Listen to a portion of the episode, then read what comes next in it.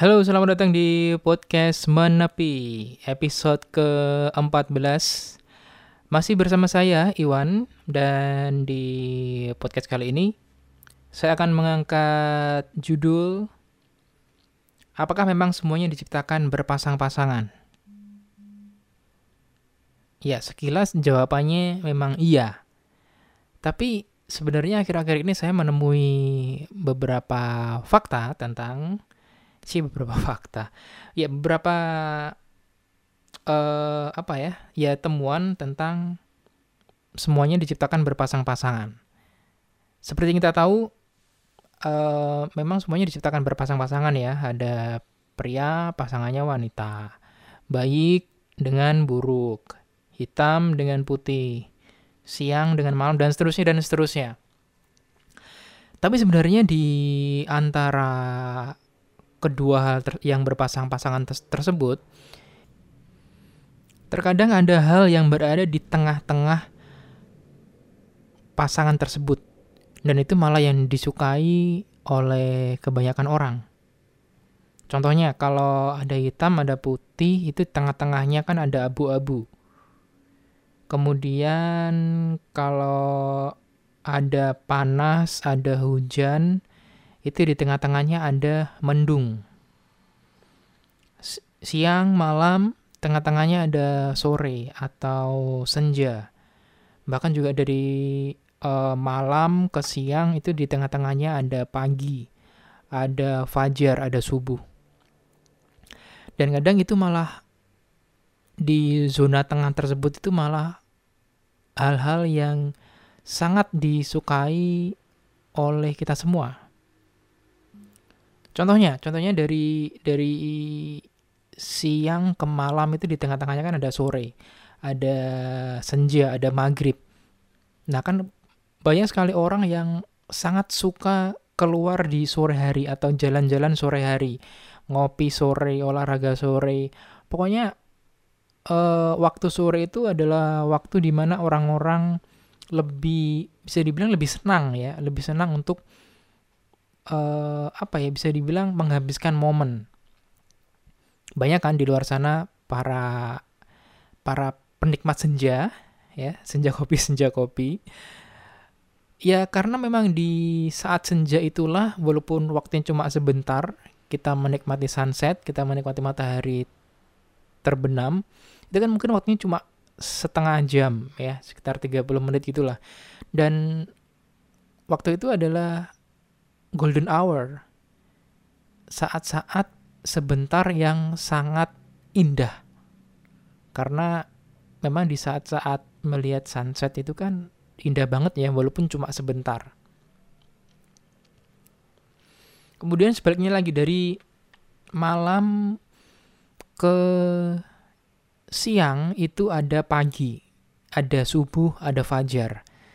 Di saat itu pula matahari terbit dengan waktu juga sebentar, ya mungkin sekitar 30 menit. Dan saat-saat itulah orang sangat sukai untuk berburu sunrise, berburu matahari terbit. Ada lagi misalkan nah ini nih ini yang banyak banyak terjadi nih ya. Teman teman itu apa ya lawannya? Pacar kali ya pasangan teman itu apa pacar kali ya nah di antara teman dan pacar itu juga ada zona tengah-tengah itu adalah kalau dulu sih ya itu di di di zaman saya itu istilahnya TTM ya teman tapi mesra. Atau kalau sekarang itu uh, eh, FWB, Friends with Benefit. Ya pokoknya itulah. Jadi secara status itu mereka tidak berhubungan, tidak berpacaran, tetapi secara komunikasi, secara perhatian itu bisa dibilang seperti pacar, bahkan mungkin melebihi pacar. Dan itu adalah zona tengah atau sebuah keadaan yang banyak disukai.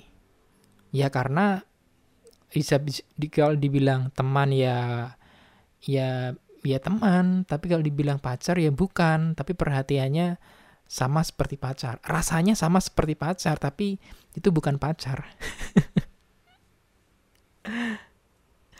Kemudian ada juga panas itu kan pasangannya dengan hujan.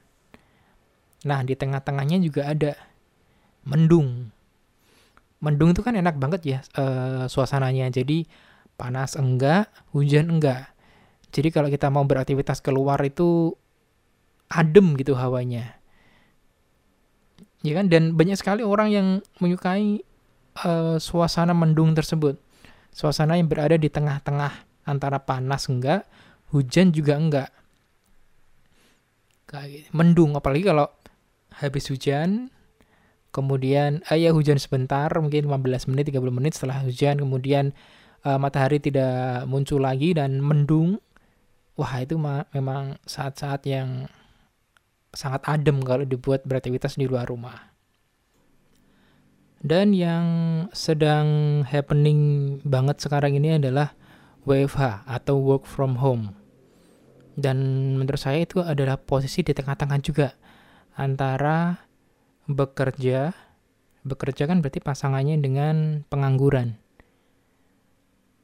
Nah, WFH itu adalah uh, kalau bekerja kan kita biasanya di, ke kantor kan berangkat ke kantor berangkat ke sekolah berangkat ke rumah sakit berangkat ke tempat-tempat kerja lah pokoknya tapi kalau pengangguran kan nggak pengangguran itu stay di rumah kan uh, biasanya nah di dalam WFH ini work from home work from blah, blah, blah. di dalam work from home ini uh, kegiatan ini memungkinkan bahwa kita bisa mendapatkan penghasilan walaupun hanya di rumah. Dan itu sangat menyenangkan banget. Sangat menyenangkan sekali. Ya kan? Bagi yang sudah merasakan WFH, uh, eh, rasa-rasanya itu walaupun kita di rumah, kita uh, masih bisa sering bertemu dengan keluarga.